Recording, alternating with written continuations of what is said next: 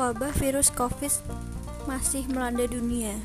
Informasi mengenai obat-obat tradisional dapat menyembuhkan penderita COVID-19 pun bermunculan. Kali ini muncul kabar daun sungkai dapat menyembuhkan pasien COVID-19.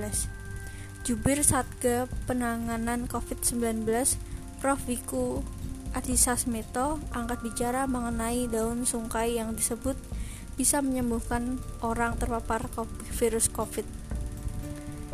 Wiku mengatakan uji klinis perlu dilakukan terlebih dahulu.